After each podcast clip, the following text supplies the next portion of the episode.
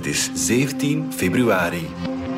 Dit is vandaag de dagelijkse podcast van de Standaard. Ik ben Alexander Lippenveld. Alexei Navalny is dood. De belangrijkste tegenstander van de Russische president Vladimir Poetin stierf vrijdag in het strafkamp in Siberië, waar hij al een tijd lang opgesloten zat. Hij voerde al jaren een strijd tegen corruptie in Rusland en zat als een soort martelaar gevangen. Het werd uiteindelijk zijn dood. Welke impact had Navalny op Rusland en op de rest van de wereld?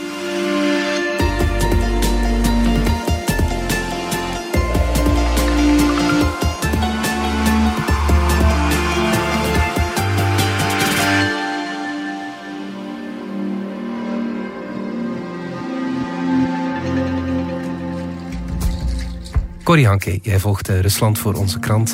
Alexei Navalny is uh, overleden. Vertel eens, wat weten we over de omstandigheden waarin hij gestorven is?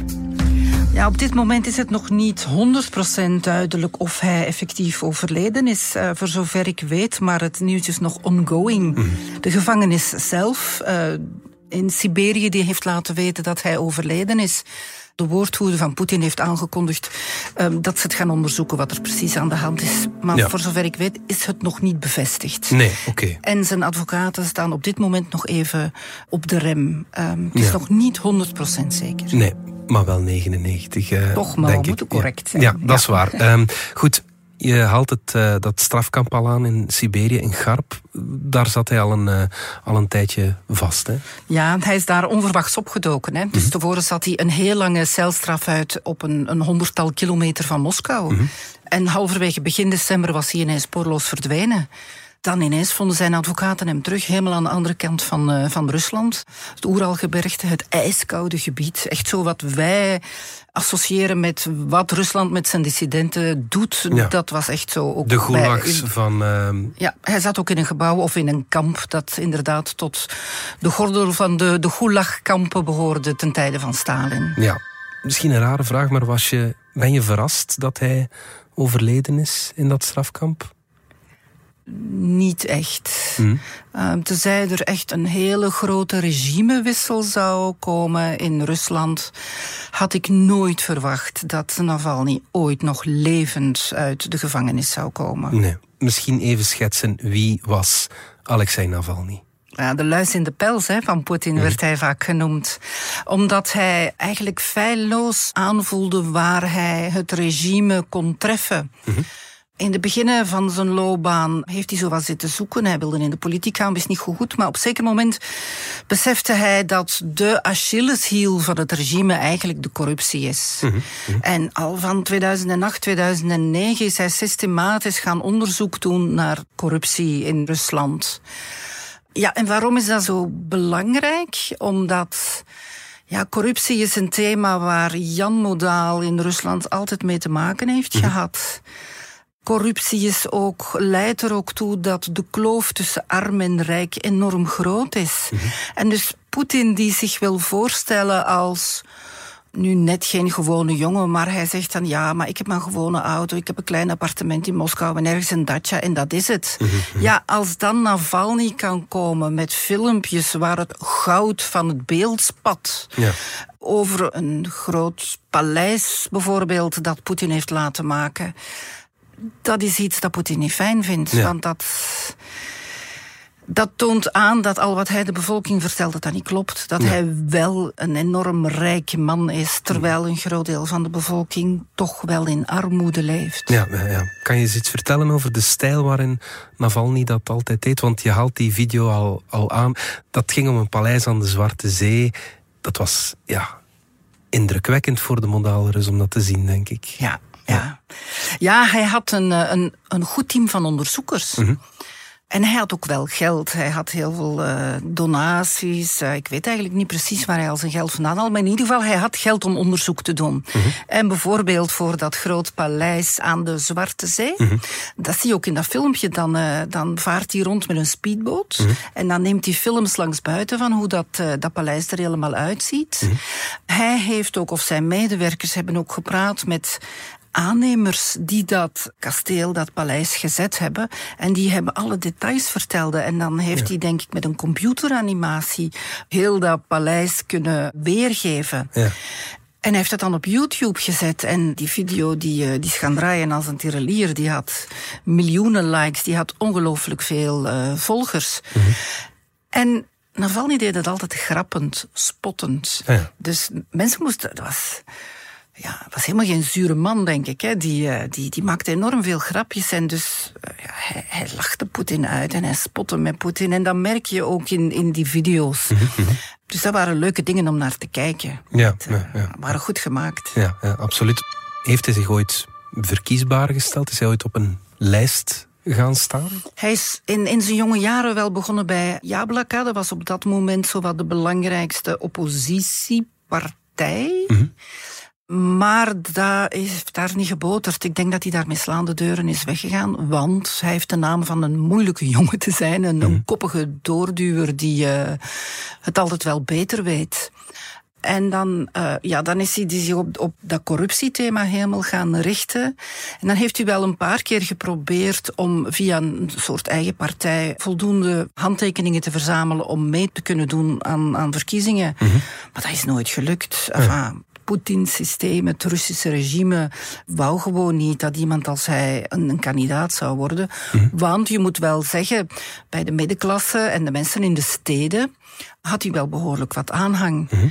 Hij sprak zo'n beetje die intellectuele mensen wel aan, de middenklasse een beetje. Hij was ook een van de motoren in 2011, 2012, toen iedereen ervan overtuigd was dat de verkiezingen vervalst werden. Mhm. Was hij in Moskou een van de grote gangmakers voor de betogingen. Ja. En nu nog, als we terugkijken en we kijken naar de oppositiebewegingen in Rusland, dan wordt die periode altijd aangehaald. Zo van, ja, toen was er wel verzet. Maar laat ons eerlijk zijn, er waren nog geen honderdduizend mensen die toen op straat kwamen. In een miljoenenstad als Moskou. Ja, ja. Maar in de geschiedenis van Rusland wordt dat altijd wel gezien als het moment dat de oppositie op straat kwam. Ja, ja, ja. Hij heeft zelf een paar keren geprobeerd om via een eigen partij mee te kunnen doen aan verkiezingen, maar dat is nooit gelukt. Mhm. Omdat hij echt zo'n kruis op zijn hoofd heeft van uh, no go, Poetin wil hem niet. Mhm, mhm. Dus uiteindelijk is hij dan een, een andere strategie gaan volgen. En dat betekende dat hij op regionaal niveau mensen aanspoorde om op het even welke partij te stemmen, zolang het maar niet de partij van Poetin was. Ja, ja. En hij dan zo op lokaal, op regionaal niveau de dominante macht van Poetins partij uh, te breken. Mhm. En dus op lokaal niveau had hij dan mensen die op lijsten gingen staan of die met andere mensen gingen praten en zeggen: je, je mag niet voor de partij van Poetin stemmen. Ja. En het is daar dat hij uh, in Siberië, toen hij daar op campagne was in Siberië, dat hij dan uh, vergiftigd is in ja. 2020. Die vergiftiging, dat herinneren we ons allemaal nog. Die spectaculaire vergiftiging. Ja, toch wel met Novichok, dat, uh, dat gifgas. Hij heeft daar zelf ook ja, nog onderzoek naar gedaan. Corrie, daar is een ongelooflijke video van, hè, hoe hij ontdekt hoe hij vergiftigd is. В теории предмет одежды какой? Трусы. Ah. Ja, die video dat was weer zo'n de gloire voor Navalny. Mhm. Hij eh, was te weten gekomen welke FSB-agenten in zijn hotelkamer in Tomsk vergif in zijn kleren hadden gestoken. Mhm. Hij had dat gsm-nummer van die man gevonden. En terwijl de camera loopt, mhm. belt hij die man op. En raar voor een geheim agent van FSB, maar die doen tegenwoordig wel vaker rare dingen, maar die begint dat gewoon helemaal te vertellen. Ja. Um, hoe die vergiftiging is gegaan en zo. En dus, Navalny zelf. tegen Navalny zelf en dat wordt, dat wordt opgenomen en zo. Dus uh, ja. ja, alweer een fantastisch YouTube-filmpje natuurlijk, waarin uh, ja. Ja, Navalny als, als de, de winnaar, laat ons maar zeggen, eruit komt. En, en het, het Poetin-regime weer is belachelijk gemaakt wordt. Ja, Maar toen heeft hij het maar net overleefd. Hè? Ja, ja, ik denk als alles volgens plan was gelopen, dan was hij waarschijnlijk toen overleden. Mhm. Waarschijnlijk heeft hij toen zoveel gif in zijn kleren gekregen en de kleren die hij dan aan had om van Tomsk naar Moskou te vliegen, mhm. zou hij waarschijnlijk niet levend gearriveerd zijn in Moskou. Mhm. Maar hij is uh, verschrikkelijk ziek geworden op de vlucht. Uh, medepassagiers hebben aan de alarmbel getrokken. En de piloot heeft beslist om een noodlanding te doen in Omsk. Mm. Waar hij dan in zeven haasten naar een ziekenhuis gebracht is. En daar heeft de dokter alles gedaan om hem in leven te houden. Okay, ja. En dus terwijl de dokter uh, hem aan het, ik zou maar zeggen, reanimeren was kwam de FSB binnen en die hielden de wacht in de gang om alles te controleren en dat het niet zou uitlekken. Dus ik heb mij vaak afgevraagd van hoe zou die dokter zich gevoeld hebben, want hij moet hier geweten hebben dat hij de aardsvijand van Poetin het leven aan het redden is. Ja, ja. Maar uiteindelijk hij is dan uh, in Omsk in het ziekenhuis gebleven. En hm. dan is het de Duitse toenmalige kanselier Angela Merkel die een financier had gevonden die een privévliegtuig naar Omsk heeft gebracht om dan Navalny te repatriëren naar Berlijn, waar hij dan de juiste medicatie uh, gekregen heeft en hersteld is. Ja, en dan is hij teruggegaan naar Moskou. Ja, абсолютно с нормальным чувством иду на подгранконтроль, выйду и поеду домой, потому что я знаю, что я прав. Ik heb dat nooit begrepen, Corrie. Waarom deed hij dat? Ongelooflijk, hè? Ja. ik vind dat ook ongelooflijk. Mm Ik bedoel, je, je gaat terug naar het land van de man die je net heeft geprobeerd te vergiftigen. Mhm. Ik denk, hij heeft daar zelf mooie zinnen over gezegd, van je moet teruggaan en je moet de strijd ter plekke voeren. Maar zelf denk ik dat hij kon niet anders. Mhm. Hij had zo het imago van de man die de strijd tegen Poetin aandurft. Mocht hij beslist hebben om na die vergiftigingspoging niet terug te gaan naar Rusland, dan zou hij als een Mr. Nobody geëindigd zijn. Mm, dat wilde hij vooral niet. Dat wordt van hem gezegd. Mm. Dat wilde hij vooral niet. Hij vond het superbelangrijk natuurlijk waar hij mee bezig was. Mm.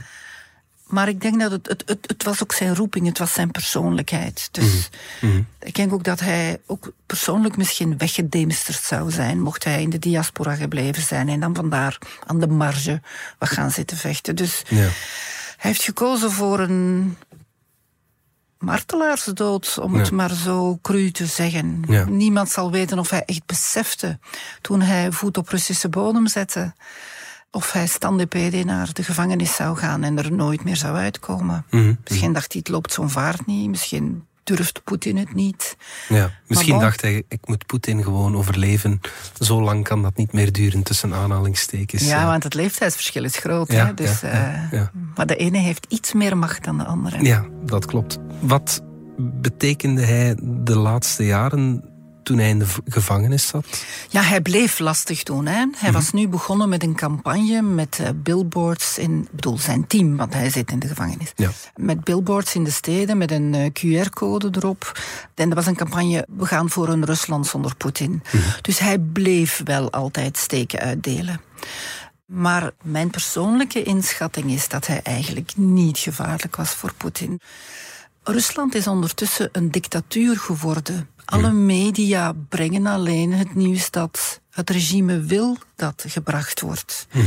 En de meeste Russen kijken nog altijd gewoon, de publieke zenders kijken naar de gewone televisie. Mhm. Dus hij kon die mensen niet bereiken. Mhm. Dus, dus ik, ik denk dat zijn uh, gewicht overschat wordt. Ja. Waarom kijken wij dan in het Westen zo met een, ja, een zoeklicht naar het lot van Navalny? Hij is onze lievelingsoppositie-Rus. Mhm. Omdat hij zo dapper is, omdat hij de corruptie aankaart, omdat hij goed gebekt is. En wat hij doet is niet niks. Hè? Mhm. Allee, ik heb grenzeloze bewondering voor de moed die hij heeft. Ja. Maar ik heb mijn twijfels bij zijn impact. Ja, ja. En, en wij Westerlingen, wij vinden dat wel fijn als iemand een witte ridder te paard trekt, blijkbaar tegen Poetin. Ja. Maar ik heb altijd gevonden dat we zijn impact in Rusland groter gemaakt hebben dan dat hij is. Er wordt nu veel gespeculeerd over zijn dood. Uh, ja, Zelensky, de president van Oekraïne, zegt het is duidelijk dat Navalny vermoord is door Poetin. Zullen we dat ooit te weten komen op een manier, Corrie? Of moeten we gewoon aannemen dat het aannemelijk is dat hij een natuurlijke dood gestorven is? Ik denk dat we dat pas gaan te weten komen als uh, stel dat hij vermoord is. Als iemand begint te praten. Een van de daders, iemand die de opdracht gegeven heeft. Want ik wil daar toch een kanttekening bij maken. Wij hebben dan altijd de neiging om te denken dat er dan een telefoontje van Poetin hoogstpersoonlijk naar Siberië is gegaan met de boodschap kill him. Mhm. Ik vraag me af of, of dat het geval is. Mhm. Omdat ik al zei, volgens mij ja, was hij gewoon verdomd lastig voor Poetin, maar was hij niet echt een gevaar voor hem. Mhm. Maar ja, het regime is een krabbenmand en mensen doen veel om in de gunst van het Kremlin te komen. Dus ik sluit niet uit dat een lokale politicus, een lokale gouverneur aan de gevangenisbewakers heeft gezegd van zorg dat hij sterft. Waardoor die gouverneur dan um, in een goed blaadje uh, bij Poetin hoopt te komen. Ja, ja. Ik zeg niet dat dat gebeurd is. Ik wil alleen een beetje voorzichtig zijn met een onmiddellijke lijn te trekken tussen een bevel van het Kremlin en het feit dat hij dood is. Ja. Dat, gaan we, dat gaan we niet weten. Dat gaan we pas weten als iemand dat vertelt, bevestigt, uit de biecht klapt. Ja, ja. Tot slot, wat moeten we onthouden van Alexei Navalny? Dat hij een ongelooflijke moedige man is, hm. die zijn eigen dood tegemoet liep en het wist. Ja, Korianke, dankjewel. Dit was vandaag de dagelijkse podcast van De Standaard. Bedankt voor het luisteren. Volg ons op Spotify, Apple Podcast of eender welk ander podcastplatform. In onze gratis FDS podcast kan je niet alleen ons werk beluisteren, maar ook de beste podcasttips terugvinden. Alle credits van de podcast die je net hoorde vind je op standaard.be-podcast. Reageren kan via podcast.standaard.be.